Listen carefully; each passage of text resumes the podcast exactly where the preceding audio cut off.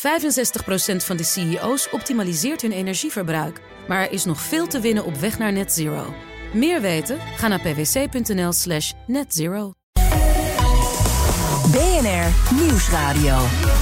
BNR breekt. Ivan Verrips. Welkom bij een nieuwe week BNR Breekt. Vanaf half twaalf praat ik over het nieuws van de dag. De helft van de Nederlanders blijkt financieel kwetsbaar te zijn... en ruim een kwart van de jongvolwassenen tussen de 18 en 30 jaar... belegt in cryptomunten. Hmm, misschien heeft het een wel met het ander te maken. En is het een idee om Maxima de corona-persconferenties te laten presenteren? Een hoogleraar gezondheidscommunicatie opperde dat deze ochtend... en uh, we gaan het zo eens bespreken met mijn panel. En daarin vandaag Pieter Lossi, adviseur van de VO-raad... en Tom de Nooijer, gemeenteraadslid voor de SGP in Oldenbroek. Goedemorgen allebei. Goedemorgen. Goedemorgen. We gaan beginnen met... BNR breekt. Breekijzer. Heeft allemaal te maken met de Omicron-variant van het coronavirus. Dat levert de nodige hoofdbrekens op. Ja, we maken ons zorgen, maar hoeveel zorgen we ons moeten maken... dat zal de komende weken moeten blijken. Al dus demissionair minister Hugo de Jonge. Maar ja, hoeveel zorgen iedereen zich moet maken, dat moet dus nog blijken... want we weten nog vrij weinig. Wel zijn er vrijdag meteen reisbeperkingen ingesteld voor Zuidelijk Afrika... daar waar Omicron als eerste werd gespot. Maar dat snelle handelen heeft niet bij iedereen de hand op elkaar gekregen. Bijvoorbeeld bij de Wereldgezondheidsorganisatie. Zij belanden nu opgeroepen om de wetenschap te volgen... in plaats van om reisverboden op te leggen. Er is volgens de WHO namelijk nog geen informatie die erop wijst dat de symptomen van dat virus, die variant, verschillen met andere varianten. En ook de president van Zuid-Afrika, Ramaphosa, die roept andere landen op om inreisverboden op te heffen. Hij noemt ze onrechtvaardig en niet wetenschappelijk onderbouwd. En ze voelen zich daardoor gestraft. En eerder gestraft dan geprezen. Want ze hebben snel dat ze die nieuwe variant gemeld. En ze zeggen, ja, nu krijgen we de diksel op de neus. Ons breekijzer vandaag is... de grenzen moeten niet meer dicht bij nieuwe virusvarianten. Wat vind jij? Zou je zeggen, bij onzekerheid, grenzen dan maar dicht? Of zou je zeggen, grenzen open, want het virus laat zich toch niet tegenhouden. Praat mee en pak je telefoon. Bel naar 020 468 4x0. 020 468 4x0. En wil je niet bellen, maar wil stemmen? Doe het dan via de stories van BNR Nieuwsradio op Instagram. En aan het einde van dit half uur krijg je een tussenstandje van me. Ook bij me is Marjolein Kikkert, moleculair viroloog bij het LUMC Leiden. Goedemorgen Marjolein. Goedemorgen. Ons breekijzer dus. De grenzen moeten niet meer dicht bij nieuwe virusvarianten. Wat vind jij? Ja, het is een ingewikkelde kwestie, denk ik. Maar ik denk uh, dat het zeker zo is dat het een illusie is dat het dichtgooien van grenzen uh, dit soort varianten tegen zou kunnen houden. Helemaal als die inderdaad blijkt uh, heel besmettelijk te zijn, of nog besmettelijker dan de Delta bijvoorbeeld. Dus uh, dat zal zeker niet tegen te houden zijn. Vertragen kan misschien wel, uh, maar dan is het dus de vraag: heeft die vertraging zin of niet? En ja, dus de ja, moeilijke kwestie vind ik het. Ja, en is de nevenschade dan misschien niet groter dan wat je ermee nou, oplost? Ja. Ja, wat, wat, wat, op de vraag die je zelf stelt, wat is jouw eerste oordeel op basis van de kennis die we nu hebben? En we bespreken zo wel even dat dat eigenlijk vrij weinig is. Maar zou je dan zeggen: ja, toch, maar, toch maar doen dan tijdelijk? Die grenzen dicht is een beetje een lelijke oplossing, maar moet maar even. Nou ja, ik, nou goed, nogmaals, ik twijfel daar wel over. Ik zou zeggen, uh, wees wel voorzichtig daarmee. En ik, eh, de WHO heeft dat ook al gezegd. Zoiets van overreageer daar nou niet op, zeg maar. Want ja, om bij elke nieuwe variant dat allemaal te doen, dat geeft gewoon zoveel schade. En ja, de, ik denk de verwachting is dat dit. Uh, deze variant uh, misschien inderdaad wel weer wat besmettelijker zal zijn dan, uh, dan de Delta bijvoorbeeld. maar ja, wat wij daar dan aan kunnen doen is gewoon de vraag. Dus ik, ik zou inderdaad zeggen, ik denk dat het verstandiger is om niet gelijk alles dicht te gooien. Oké, blijf even bij me, dan praten we zo verder ook over ja, hoe dat onderzoek naar die varianten verder uit gaat zien. Ik ga eerst even bij mijn panel kijken. Tom, onze breekijzer vandaag. de grenzen moeten niet meer dicht bij nieuwe virusvarianten. Wat vind jij? Nou, er zijn nu al heel veel kanttekeningen bij te plaatsen. Volgens mij moet je in algemene zin, als er nieuwe varianten zijn, uh, er altijd op dat moment naar kijken. Want de ene variant is de andere niet. Zo simpel is het. Dus om daar nog generiek iets over te zeggen als er een nieuwe variant is. Nou ja, stel het is een heel dodelijke, een heel besmettelijke variant. Dan ga je natuurlijk anders acteren dan dat het mee blijkt te vallen. Dus daar generiek over zeggen moeten we volgens mij sowieso niet doen. En in dit geval, als zelfs de WHO al zegt van ja, uh, reageer er niet over, volg de wetenschap. Uh, nevenschade is groot. Ja, dan denk ik dat we daar wel heel erg voorzichtig mee moeten zijn. En uh, ik ben geen expert, maar misschien zouden we het dan eerder in andere oplossingen moeten zoeken.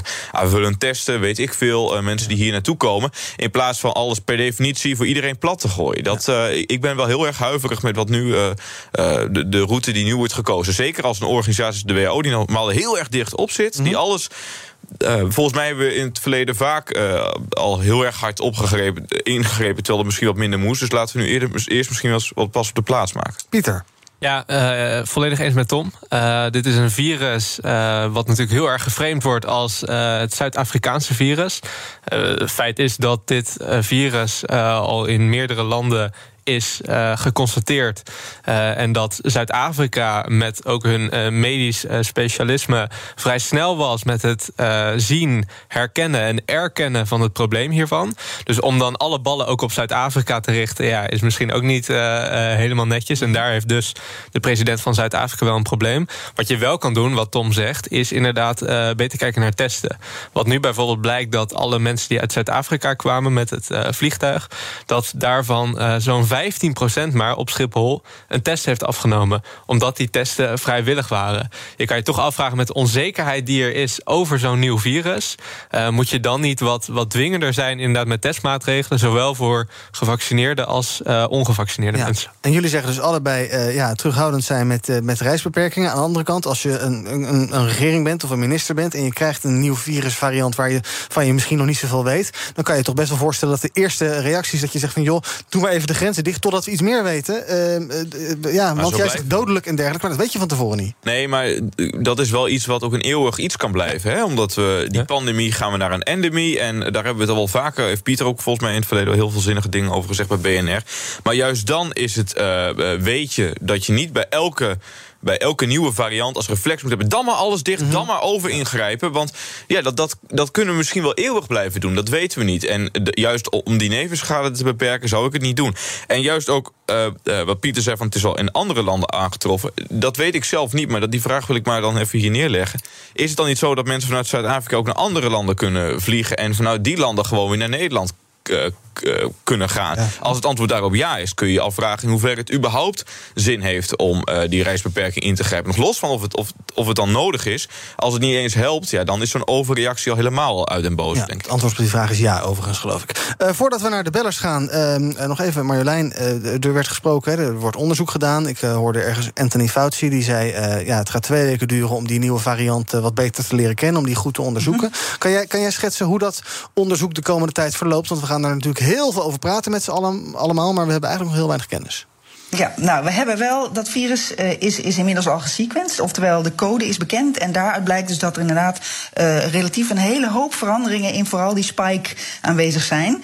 En dat is natuurlijk precies het gebied waar alle vaccins zijn op gebaseerd zijn. Dus een van de onderzoeken die natuurlijk heel snel zal gebeuren, is te kijken of uh, zeg maar de immuniteit die door de vaccins waar iedereen mee geprikt wordt op dit moment, wordt opgewekt, of die nog goed werkt tegen deze variant. Want dat is natuurlijk heel belangrijk. Als blijkt Namelijk dat die, die immuniteit en die reactie van die vaccins dus niet goed genoeg is op dit virus. Of echt significant lager is. Ja, dan hebben we echt een probleem.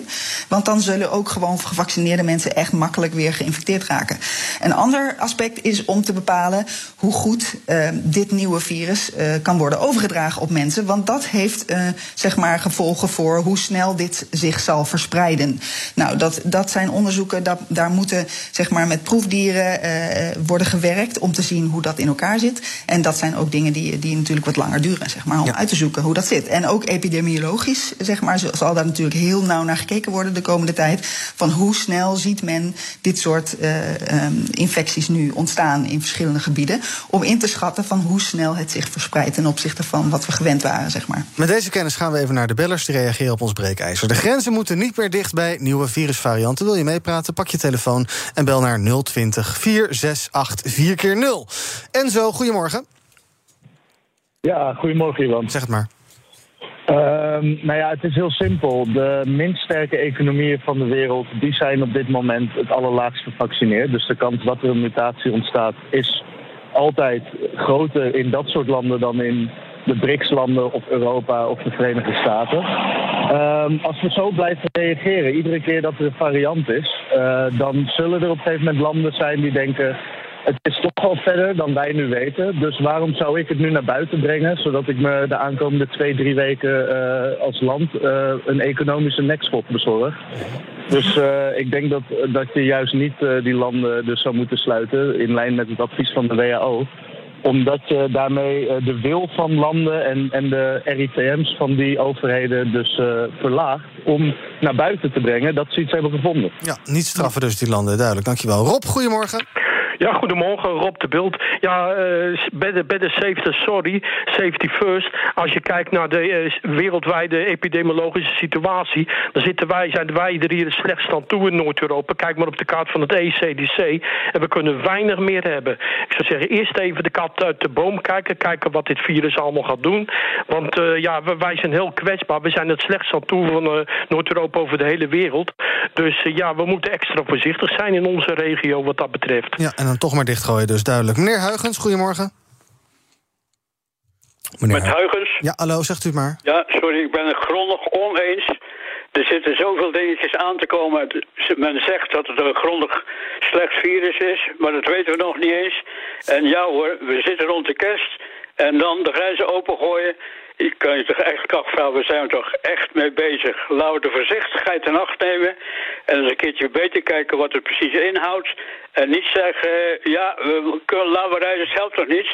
Want je gooit er toch de, de zaken niet eh, in de, in, de, in de schoot gooien als je niet meer weet. duidelijk gezegd, uh, voorzichtigheid voorop. En tot slot van dit blokje even Gerald of Gerald, goedemorgen.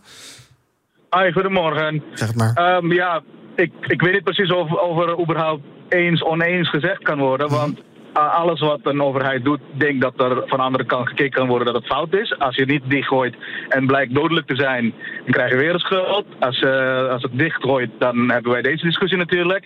Ik denk dat het belangrijk is dat we uh, een soort plan hebben voor hoe wij dit soort dingen gaan handelen. In de zin van, ja, een van de panel die zegt. Uh, alle virus kun je niet vergelijken, dus je kan niet één, uh, één, maatregel nemen. -hmm. Oké, okay, maar je kan wel een plan nemen van... oké, okay, we gooien het dicht drie dagen, vier dagen. Dan weten die andere landen ook, als ze iets te melden hebben... oké, okay, vier dagen hebben wij uh, een, een, verbod. Ja. Test het op een bepaalde manier. En dan gaan we, gaan we weer of opengooien of blijven dichtgooien. Ik denk dat dat zoiets moet gebeuren in plaats van bepaalde links of rechts gaan gaan beslissen op dag 1. BNR breekt. Ivan Verrips. Met in mijn panel Tom de Nooijer, gemeenteraadslid voor de SGP in Oldenbroek... en Pieter Lossi, adviseur bij de VO-raad. En ook bij me is Marjolein Kikkers, moleculair viroloog aan de LUMC. Het LUMC. We praten over ons breekijzer. De grenzen moeten niet meer dicht bij nieuwe virusvarianten. Wat vind jij? Pak je telefoon, het kan nog een minuutje of tien. Bel naar 020 468 4x0. Of stem in de stories van SBNR Nieuwsradio op Instagram. Uh, Marjolein, net wat uh, uh, Gerald zei, dat wil ik gelijk even met je bespreken. Die zei, ja, we moeten eigenlijk een plan komen... voor als er nieuwe varianten worden aangetroffen. Wat doen we dan? Is er zo'n plan? Dat weet ik niet, want daar ga ik helemaal niet over. Maar dat lijkt me wel een goed idee, inderdaad. Ja. Alleen ja, wat hij zei van ja, dan, dan gooien we het gewoon drie of vier dagen dicht. Ja, dat vraagt me af of dat uh, lang genoeg is om voldoende informatie te verzamelen over zo'n virus. Hoewel het in dit geval natuurlijk zo is dat dit pas afgelopen donderdag zeg maar naar de kop opstak en nu al he, een, een, variant of concern genoemd wordt. Dus dit gaat blijkbaar heel snel en dat heeft natuurlijk toch wel te maken met wat er gezien wordt in het veld. Dus hoe snel dit lijkt te gaan. Um, ja, dus, dus, maar goed, dat lijkt me wel lastig. Maar ik ben het absoluut eens. Er gaat heus nog wel meer varianten komen. Uh, en het is wel goed om daar dan gewoon een plan voor te hebben. Ook inderdaad voor zeg maar, de landen die zo'n die zo'n variant dan ontdekken. Ja. Zoals in dit geval al twee keer Zuid-Afrika. En daar ben ik het ook heel erg mee eens. Dat werd ook gezegd. Uh, Zuid-Afrika heeft gewoon een, een, aantal hele goede wetenschappers die dit heel goed in de gaten houden. En dus tot twee keer toe degene zijn geweest die het voor het eerst gezien hebben. Maar het moet inderdaad niet zo zijn dat zo'n land dan op dat moment ja, daar de nadelen van ondervindt. Omdat men het dan de Zuid-Afrikaanse variant gaat noemen. En dus alle grenzen met Zuid-Afrika gaat dicht doen. Ja. En dat is iets wat, wat, wat gewoon inderdaad ruimte moet krijgen. Want het is ook al duidelijk dat inderdaad deze variant niet per se uit Zuid-Afrika komt. Maar uh, ja, daarvoor voor het eerst gewoon gezien is. Ja, Tom, de Wereld, uh, Wereldgezondheidsorganisatie zegt ook... reisverboden die vallen de wereldwijde solidariteit aan. We moeten Zuid-Afrika, zeg maar even in mijn woorden, niet afsnijden van de wereld. Uh, Ramaphosa die noemt de reisverboden verboden oneerlijke discriminatie.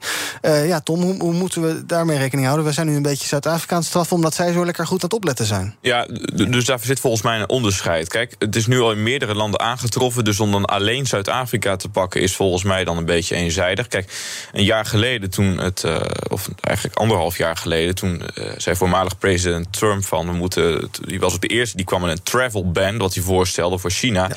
Maar toen werd hij aangevallen, ja, je bent een racist en, en er kwamen er allerlei verwijten over terwijl hij gewoon adequaat wilde optreden. En het volgens mij op dat moment ook nog vooral in China geconstateerd was. Nu is de situatie volgens mij anders. Ik heb nog wel een vraag, als het mag aan de expert. Uh, want u zei van het virus, dit virus, deze variant spreekt, steekt anders in elkaar met betrekking tot de spike-eiwitten. Daarover heb ik een, een vraag. Is het dan ook zo, juist als je moet kijken van wat voor immuniteit geven die vaccins, dat met dit, deze andere variant, deze vaccins misschien juist wel een averechtse werking kunnen hebben, omdat ze andere uh, virussen proberen tegen te houden en dit deze nieuwe variant er vervolgens misschien heel dominant gaat worden. En als je dan gevaccineerd bent en je krijgt deze nieuwe variant, dat het misschien een averechtse uh, werking zou hebben. Is dat aan de orde of weten we dat niet? Ik, ik, ben daar wel heel erg benieuwd naar. Nee, ik denk niet dat we het weten, maar als ik dat zo bedenk, dan denk ik dat dat niet heel, heel, heel. Uh, voor de hand liggend is. Het is namelijk heel. Ja, het gebeurt wel eens dat mensen met verschillende virussen uh, zeg maar worden geïnfecteerd. En op dat moment zou het kunnen zijn dat als je met een oude variant en deze nieuwe wordt geïnfecteerd, uh, dat die oude variant sneller wordt opgeruimd dan de nieuwe. Maar die vaccins zijn gericht tegen de hele spike. En nou ja, er zitten wel 32 mutaties in, maar totaal zijn er ontzettend, nou ja, veel, is dat veel groter. En er is dus nog steeds wel activiteit van, van dat vaccin op, dat, op die nieuwe variant. Het is dus zeker niet nul of zo. Dus ook die nieuwe variant zal, zal dan gewoon aangevallen worden, zeg maar, door die immuniteit. Maar heeft misschien wel uh, de gelegenheid om iets langer te repliceren. Uh, nou, ik denk op zich dat het niet een, een risico is waar we rekening mee hoeven te, hoeven te houden. Potentieel positief elementje uit het hele verhaal zou kunnen zijn dat als nou blijkt dat die Omicron-variant minder uh, ja, ziekmakend zou zijn, en dat is het beeld dat ja. ze in Zuid-Afrika wel een beetje lijken te hebben, uh, mm -hmm. dan zou misschien die grotere besmettelijkheid juist weer positief kunnen zijn. Want dat zou dan misschien die zwaardere Delta-variant kunnen vervangen. Luister even mee naar een mede-Marjolein, namelijk Marjolein van Egmond, mm -hmm. de immunoloog. Ja. Die zei als uh, Omicron minder ziekteverwekkend is. Dan is het goed nieuws. Ja, ja. dus dat is. Ja, nee, dat is. kijk, die, die, die mutaties die vinden zeg maar willekeurig plaats dan komt er een variant uit met andere eigenschappen. En ja, dat kan ook op een gegeven moment betekenen dat je er minder ziek van wordt. Ja, dan is het natuurlijk gunstig. Ja, maar infectieziektemodelleur Marino van Zelfs die kijkt er weer wat anders naar. Wat je uh, in het algemeen uh, moet onthouden is dat de impact van een virus is uh, de incidentie keer de ernst. Hè? Dus de incidentie is hoe vaak komt het voor. Alleen we moeten natuurlijk ook rekening houden met de ernst. Um, en aangezien we hier te maken hebben met exponentiële groei, kan over tijd, hè, als de incidentie maar hoog genoeg is, dan kan het virus misschien wel iets milder zijn. En dan kun je toch meer impact hebben. Nou, we hebben een immunoloog gehad, een infectieziektemodelleur. Wat vindt de viroloog ervan? Ja, nou, ik denk uh, voor allebei is wat te zeggen. Want in, uh, inderdaad, als een virus heel besmettelijk is, dan wordt het heel wijdverbreid en worden er gemiddeld, dus absoluut gezien bedoel ik, toch nog heel veel mensen ziek. Uh, dus dat is het. Maar inderdaad, um, ja, het is een beetje afhankelijk van hoeveel milder deze variant dan is. Als het zo is dat het sterftecijfer echt significant naar beneden gaat met deze, uh, dit virus, zeg maar, dan, ja, dan zou het inderdaad ook positief kunnen werken. Want dan zou het inderdaad door zijn besmettelijkheid delta kunnen verdringen. En dus uh, uiteindelijk minder doden veroorzaken dan wanneer de delta nog steeds rond was gegaan, zeg maar. Ja. En het is ook virologisch zo dat, dat het idee is dat een, een virus wordt succesvoller, tussen aanhalingstekentjes, als het minder ziekte veroorzaakt. Want mensen die minder ziek worden, die lopen langer en meer en makkelijker rond. En hebben dus meer kans om dat virus te verspreiden. En dat is voor het virus dus gunstig. Ja. Uh, dus het is niet gunstig uh, dat een virus steeds zieker maakt. Want zieke mensen blijven op hun plek. En die verspreiden dat virus dus niet. Dus een virus wat minder ziek maakt, ja, dat is in principe succesvoller. En ja. dat, nou ja, dat zie je dan dus ook dominanter worden bijna denken dat die virussen. zieker maken. Je zou bijna denken dat die virussen ook allemaal hersentjes hebben en er zelf over ja, nadenken. Ja, dat, maar goed, dat komt omdat ik viroloog ben, dat ik dan ja, vanuit dat oogpunt kijk. En dat is natuurlijk echt niet nu, zo. Ze hebben niets wat op hersenen lijkt. Nee. Uh, maar ze hebben wel een neiging, zeg maar. En dat heeft te maken met evolutie en, en toevalligheid. Het is gewoon Darwiniaanse evolutie wat er ja. gebeurt. Pieter, uh, vliegverboden dus, dat levert natuurlijk economische schade op bij uh, nou ja, luchtvaartmaatschappijen, maar ook wellicht in het kader van toerisme en dergelijke. Je hebt bijvoorbeeld Zwitserland, die hebben de tent al dichtgegooid voor buitenlanders. Die moeten daar eerst, ik geloof, tien dagen in quarantaine. Nou, uh, vergeet je wintersport maar. Is dat, zijn dat allemaal uh, zaken die we hierin ook moeten afwegen... in welke maatregelen je neemt? Of is het nog steeds belangrijk, denk je, om het, het virus eronder te krijgen... voor zover het nog kan? Ja, uiteindelijk, als je puur op het principe kijkt, ben ik er voorstander van dat we volksgezondheid niet ondergeschikt maken aan economische activiteit. En zeker als we het hebben over vliegverkeer.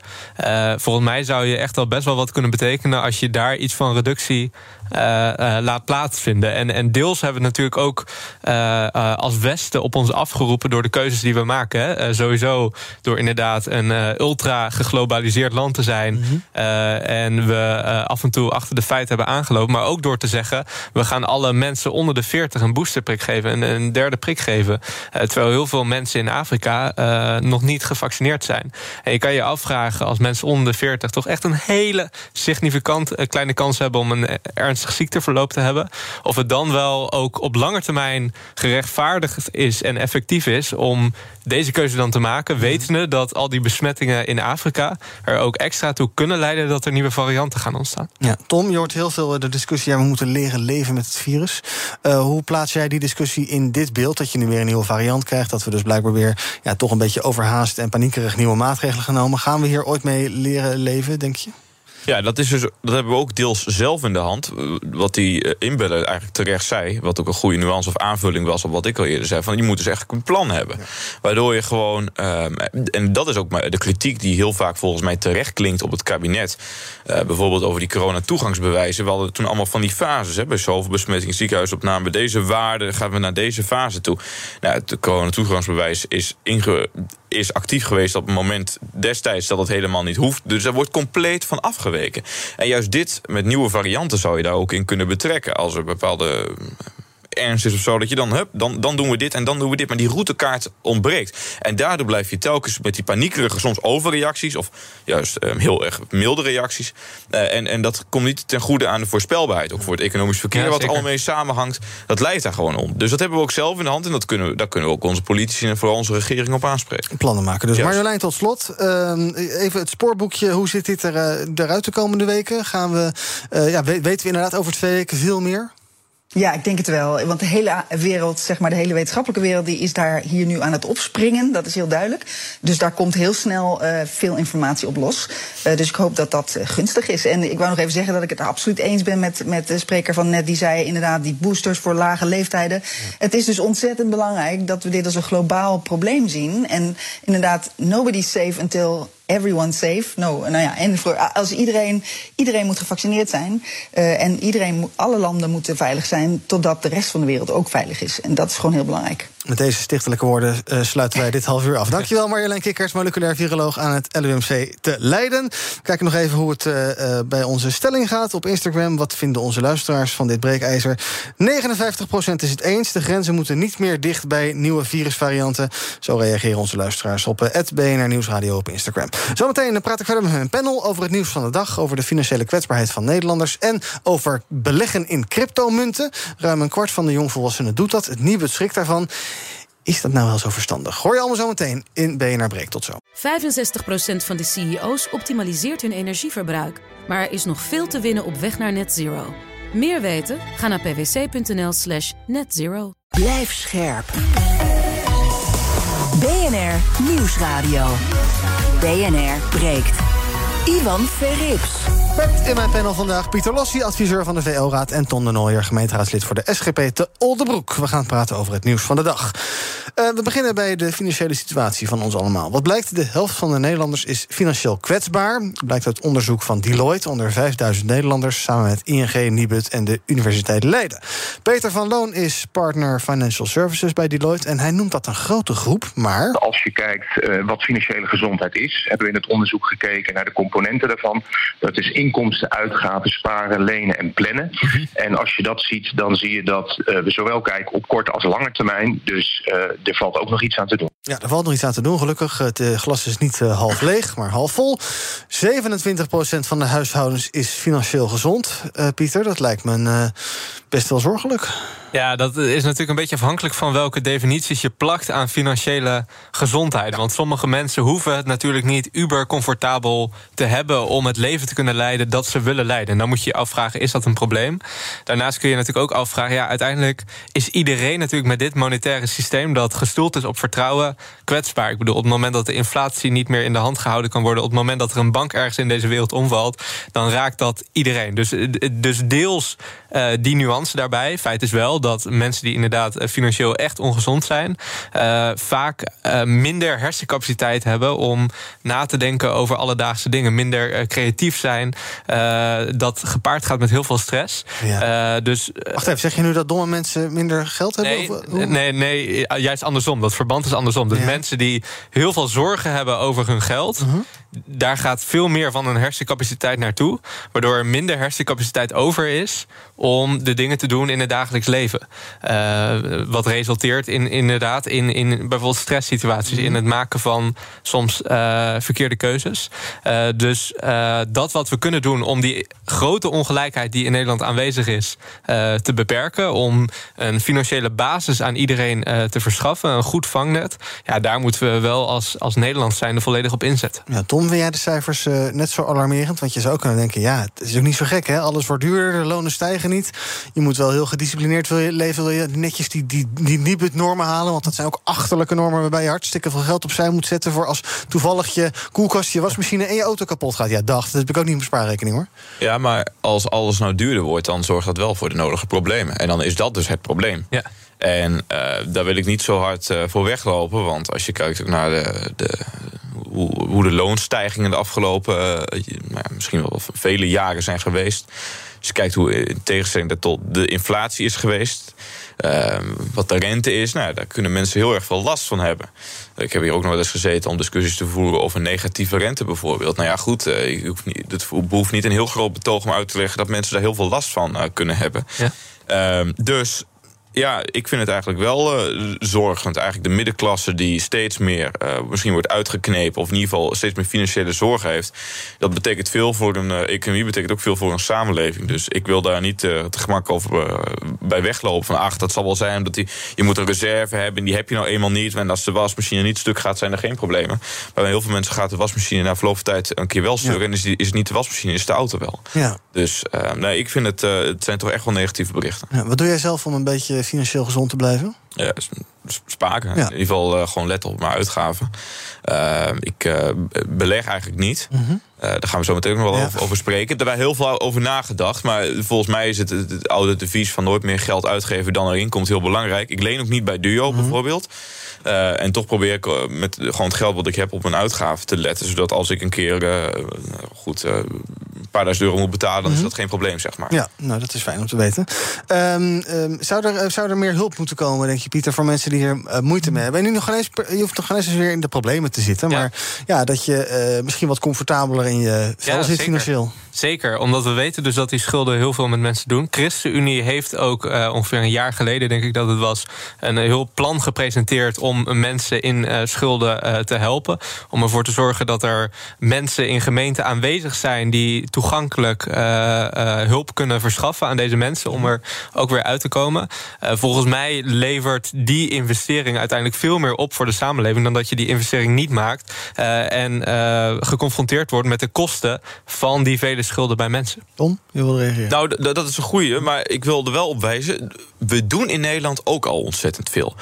als ik voor mijn eigen gemeente spreek, heb ik pas uh, een infosessie gehad met uh, ambtenaren die bezig zijn met een financiële welzijn, ook schuldproblematiek.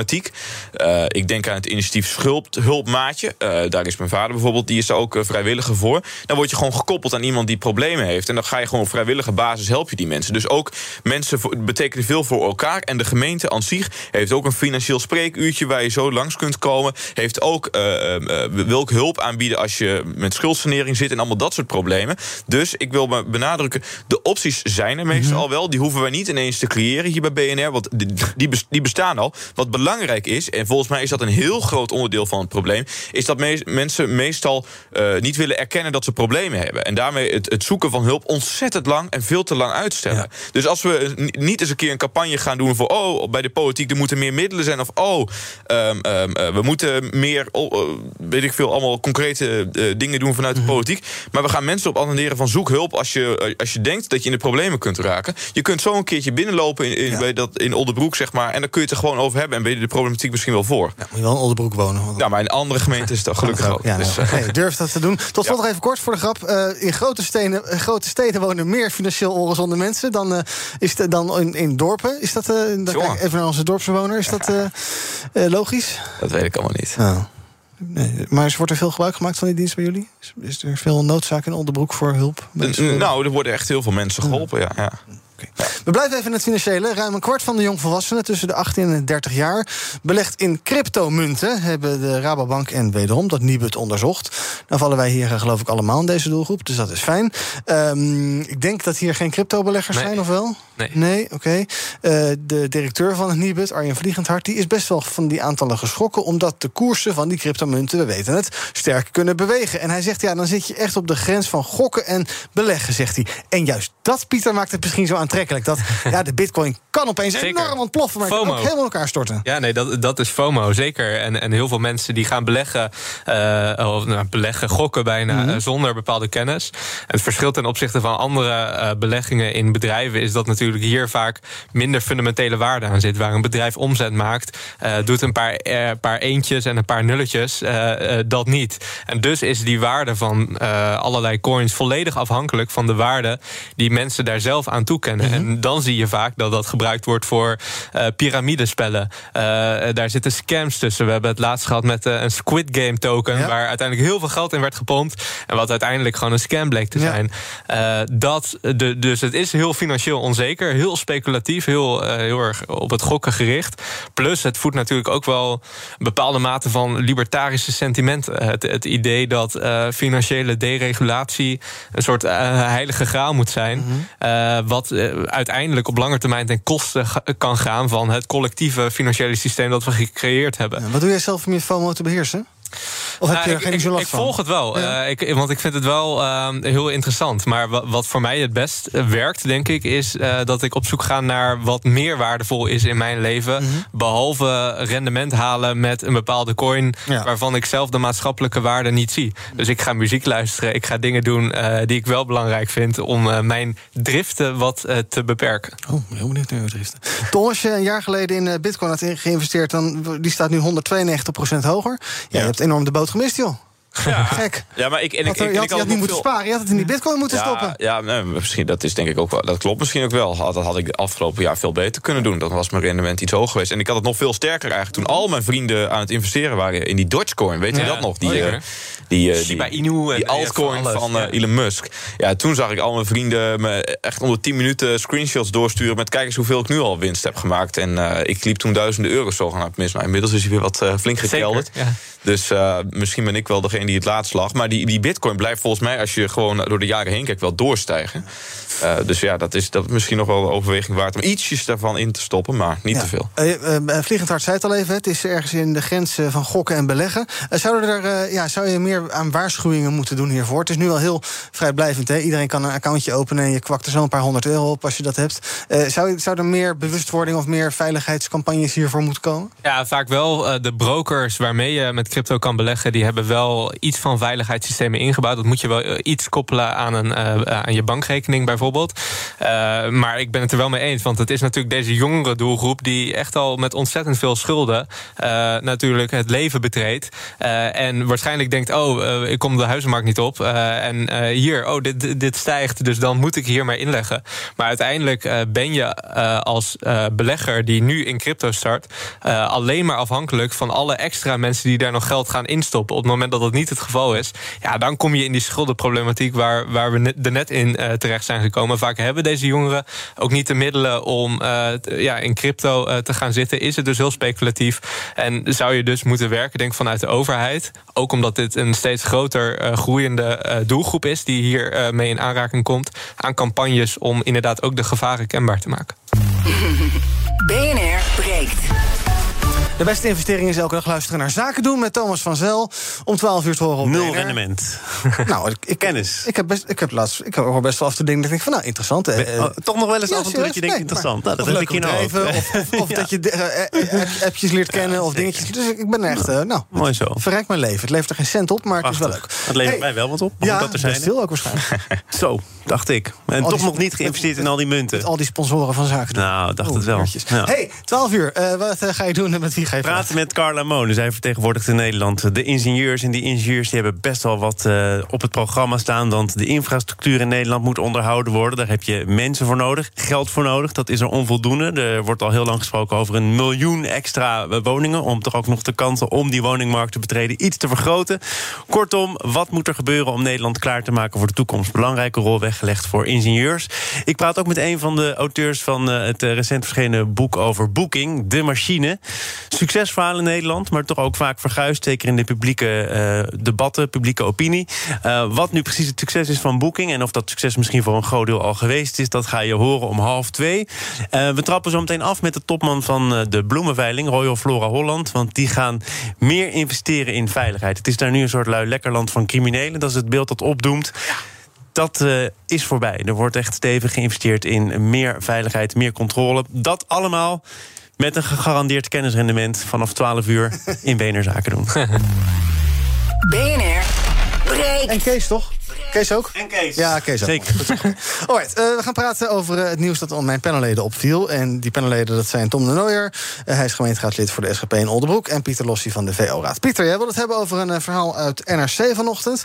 Gaat over een zoveelste zwarte lijst bij de Belastingdienst. Wat ja. is daar aan de hand? Ja, zoals dat in Den Haag gaan lekker rapporten. En nu is het PwC-rapport gelekt over toeslagen in opdracht van het kabinet.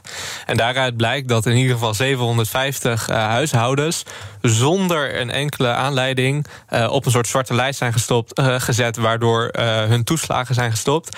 En dat er ook mensen die bijvoorbeeld de belastingtelefoon belden met vragen over toeslagen. Hoe zit dat?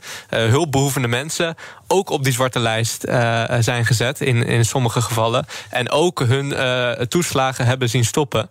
en wat ik dan zo bijzonder vind, is dat uit recent onderzoek van het Nationaal Kiezersonderzoek blijkt dat kiezers bij de afgelopen verkiezingen die, dat toeslagenschandaal en, en deze praktijken eigenlijk in zeer geringe mate hebben meegenomen in hun stemkeuze. Het boeit ons niet. Ja, nou, blijkbaar. blijkbaar. En, en, en terwijl ik denk Tom als uh, mede-politicoloog in spe zal beamen dat dit uiteindelijk echt het hart van de overheid raakt. De, de dienstbaarheid van de overheid. Het uh, voorkomen van willekeur. Het, het, het zorgen voor, voor macht en tegenmacht. En als dat dus al zo dysfunctioneert, waardoor nou, heel veel levens van burgers van diezelfde overheid gewoon in ieder geval in een bepaald tijdsbestek uh, kapot worden gemaakt. Ja, dan hebben we wel echt een heel groot probleem met het huidige systeem dat we hebben opgetuigd. En moet daar echt echt wel een hele grote renovatie gaan plaatsvinden.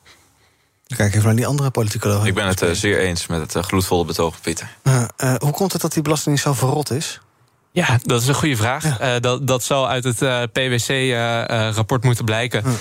Feit is dat um, ook die rechterlijke macht geklaagd heeft over de informatievoorziening die de Belastingdienst tijdens alle rechtszaken die zijn aangespannen heeft verschaft richting die rechterlijke macht. Dus blijkbaar zit daar een, een disbalans wat primair veroorzaakt wordt door een gebrek aan transparantie. En zul je daar in ieder geval iets aan moeten doen. Ja, en ook het politieke aspect hiervan. Dat zo'n rapport al blijkbaar een tijd rondzwerft op het dat ministerie. Ook. En maar niet naar de Kamer gaat, dan wel weer gelekt wordt. Wanneer houdt dit op? Ja, goede vraag. Ja. Uh, ik denk uh, dat we nieuwe denkwijzen nodig hebben om uh, de problemen die veroorzaakt zijn met die denkwijze, uh, om die de wereld uit te helpen. Zoals Albert Einstein gezegd zou hebben. Dus dat betekent dat er nieuwe mensen nodig zijn, jonge mensen, mensen met andere ideeën, mensen met nieuwe ideeën. En een veel fundamenteler debat in de samenleving voeren over wat is die overheid nou en waar willen we op lange termijn heen. Misschien een nieuwe bestuurscultuur, dat zou kunnen helpen. Tom, jij wil het hebben over een strenge wet in Australië tegen anonieme trollen op sociale media. Wat wordt daar voorgesteld? Ja, um, zij ergen zich heel erg aan dat mensen die anoniem zijn op social media toch het leven van mensen behoorlijk zuur kunnen maken en reacties uitlokken van woede, irritatie of verdriet. Um, en nou ja, ik vind het toch een heel opvallend nieuwsbericht. Want techreuzen hebben zich altijd een beetje nou ja, vrijgewaand om te doen wat ze willen.